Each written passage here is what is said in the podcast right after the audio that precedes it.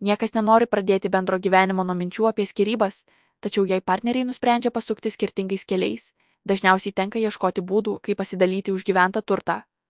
Neretai šis procesas tampa sudėtingas ir nemalonus, o partneriams, kurie gyveno kartu nesusituokę, jis komplikuojasi dar labiau. Ką esant tokioms aplinkybėms pravartu žinoti iš anksto, kad skirybų atveju turto dalybos būtų kuo lengvesnės ir sažiningesnės.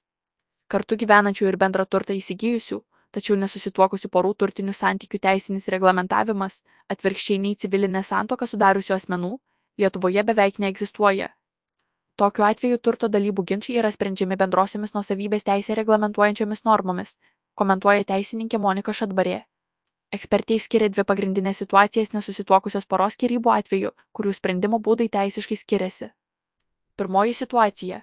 Partneriai yra turto bendrasavininkai, tai yra kiekvienas iš jų aiškiai žino savo turto dalį ir nuo pat turto įsigijimo momento šias dalis apsibrėžia. Antroji situacija. Turtas perkamas tik vieno iš partnerių vardu, tačiau įsigijimo tikslas yra bendras. Pavyzdžiui, pora perka būstą bendram gyvenimui, šeimos kūrimui, jį gerina ir PN, kaip dalinamas bendrasavininkų turtas.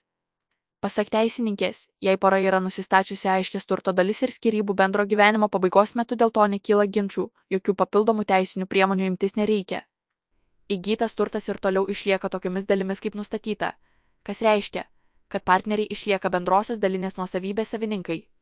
Jei vis dėlto pora siekia turtą pasidalinti kitokiamis dalimis ar gauti kompensaciją iš partnerio už didesnį investuotų pinigų dalį, galima sudaryti taiko sutartį, ją pateikiant patvirtinti teismui.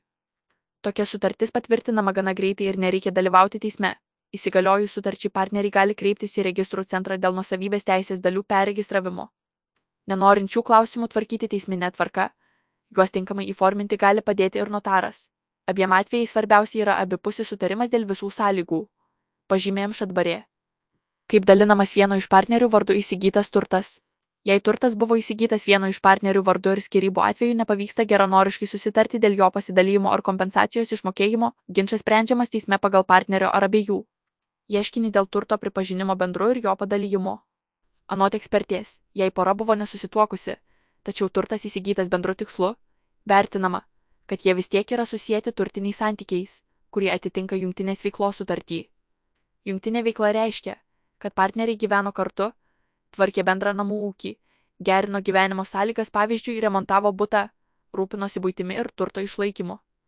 Teismas ginčą sprendžia atsižvelgdamas į šiuos aspektus, nustatoma, ar pora sieja jungtinė veikla ar buvo sudarytas susitarimas įgyti turtą bendrosios dalinės nuosavybės teisė ir kokia jo dalis tenka kiekvienam iš bendraturčių.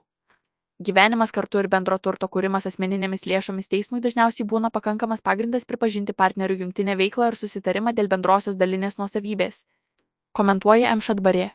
Svarbu pažymėti, kad ginčio atveju turi būti įrodomas ne tik siekis įsigyti turtą bendrosios dalinės nuosavybės teisę, bet ir kiekvieno iš partnerių įnašo dydis. Kino lėšomis buvo pirktas konkretus daiktas, kaip buvo tvarkomas ir gerinamas namų ūkis, koks buvo finansinis pasiskirstimas poroje ir PN, banko paskolos statuso reikšmė dalyjantis turtą. Poros, norėdamos įsigyti būstą, dažniausiai naudojasi banko finansavimo paslaugomis. Jei nekilnojamas turtas buvo įsigytas su banko paskola, skirybų atveju tai turi tiek reikšmės, kiek partneriai nesutarė įrodinėdami kiekvieno iš jų indėlį į būsto kūrimą.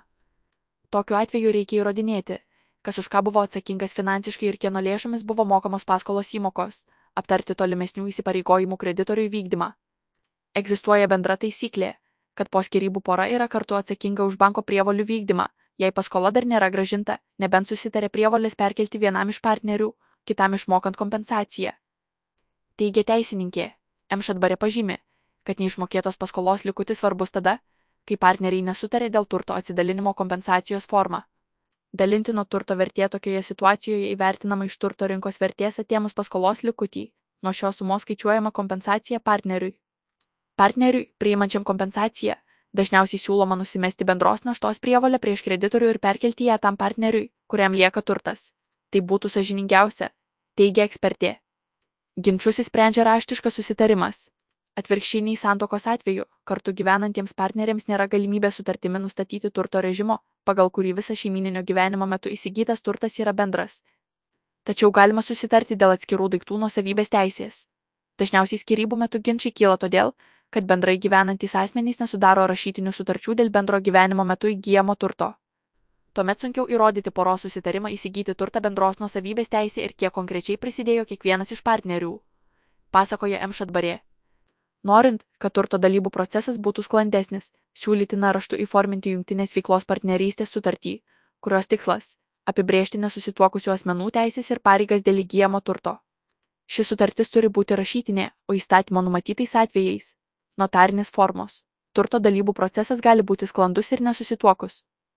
Pagrindinė sklandžių turto dalybų sąlyga yra nesantokos faktas, o tai, ar partneriai buvo aiškiai nusistatę turto dalis ir ar dėl jų sudarė rašytinius sutarimus, atitinkančius teisės aktuose keliamus reikalavimus dėl turto nuosavybės. Jei šie klausimai buvo aptarti ir įforminti, tiek susituokusių, tiek civilinės santokos nesudariusių asmenų turto dalybos gali būti vienodai sklandžios.